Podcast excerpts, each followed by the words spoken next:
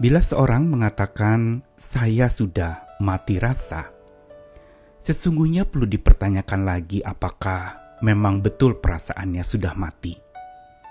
Jelas, ungkapan "saya sudah mati rasa" itu berangkat dari sebuah kelelahan yang sangat dalam, sebuah kehancuran hidup yang habis-habisan, sehingga seperti seorang yang depresi, dia seperti tidak merasakan apa-apa lagi.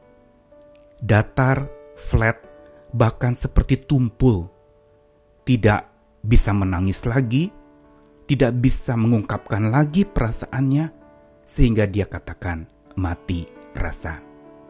Di masa-masa susah yang sedang terjadi hari-hari ini, ada begitu banyak orang yang semangatnya hancur dan habis, dan lalu mengatakan mati rasa. Tidak ada rasa lagi, bahkan untuk memulai sesuatu yang baru, karena sudah hancur-hancuran dan habis hidup. Pergumulan saya begitu berat, dan betapa tidak mudahnya untuk bangkit lagi dan memulai kembali. Semua serba rata, tidak ada lagi rasa.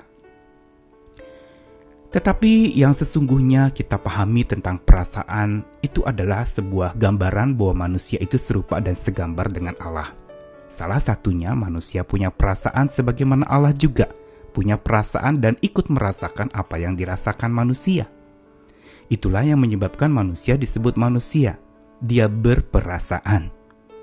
Dan bukankah kitab suci juga mengatakan sebuah permohonan agar setiap orang percaya memiliki pikiran dan perasaan seperti Kristus?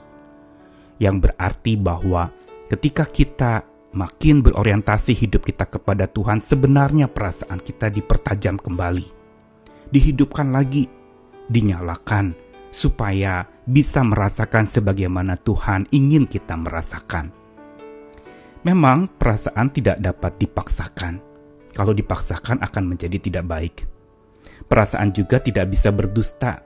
Rasa tidak bisa bohong. Namun bila perasaan yang tidak bisa dipaksa dan tidak bisa berdusta itu tidak ada, maka cinta pun tiada.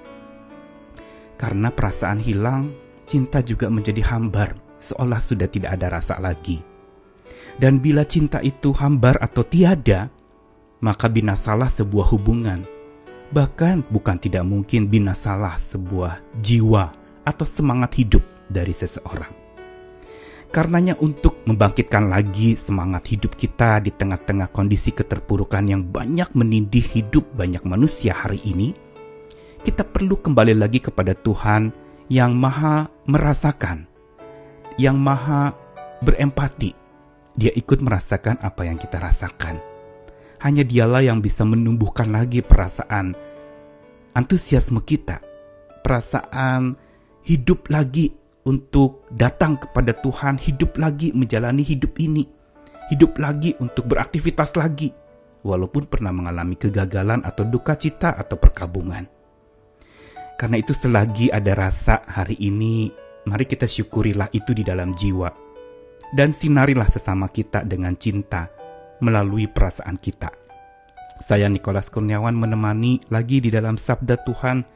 Hari ini kita akan berbicara tentang perasaan di Efesus pasal 4 ayat 19 dan 32. Perasaan mereka telah tumpul sehingga mereka menyerahkan diri kepada hawa nafsu dan mengerjakan dengan serakah segala macam kecemaran tetapi hendaklah kamu ramah seorang terhadap yang lain, penuh kasih mesra dan saling mengampuni sebagaimana Allah dalam Kristus telah mengampuni kamu. Efesus pasal 4 di dalam bagian yang kedua itu mau memberitahukan dan membandingkan antara manusia lama dengan hidup manusia baru. Khususnya di dalam perasaan yang akan kita soroti hari ini, manusia lama yang hidup dengan kedagingannya biasanya memang perasaannya tumpul, Arti tumpul di sini bukan tidak bisa merasakan, tetapi perasaannya itu sudah cenderung kepada keinginan diri sendiri, sudah cenderung kepada pemuasan diri sendiri, sudah berpusat kepada si aku. Dan itu bisa mengerjakan sebuah keserakahan dan segala macam kecemaran pun bisa menyeruak tinggi ketika perasaan seseorang itu sudah tumpul. Tumpul oleh apa?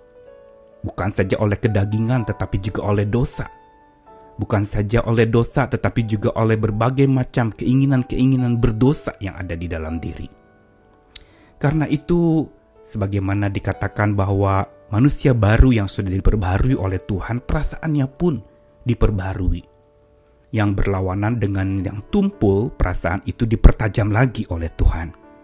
Inilah satu-satunya jalan keluar pada saat di mana kita sudah merasakan lemah, lelah, dan datar-datar saja kehidupan ini, atau dengan pergumulan yang berat kita merasa sudah tidak bisa untuk bersemangat memulai lagi, rasa semangat itu sudah mati.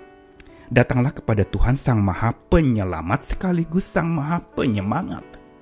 Dia yang sanggup untuk mengubahkan kita menjadi manusia-manusia baru yang semangatnya selalu diperbaharui oleh karya pembaruan Tuhan perasaannya pun makin diasah dan dipertajam oleh karya pembaharuan Tuhan itu.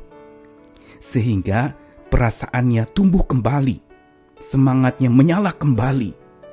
Dan kalau hari ini kita masih punya rasa, masih bisa merasakan sakit, masih bisa merasakan duka cita, masih bisa merasakan sebuah perkabungan, masih bisa merasakan sebuah kehilangan atau merasakan kepedihan yang sangat dalam atau kepahitan di dalam hati. Sesungguhnya kita patut mensyukurinya karena kita masih bisa merasakan. Perasaan kita tidak pernah bisa mati kalau kita hidup dekat dengan Sang Maha Hidup yaitu Tuhan kita.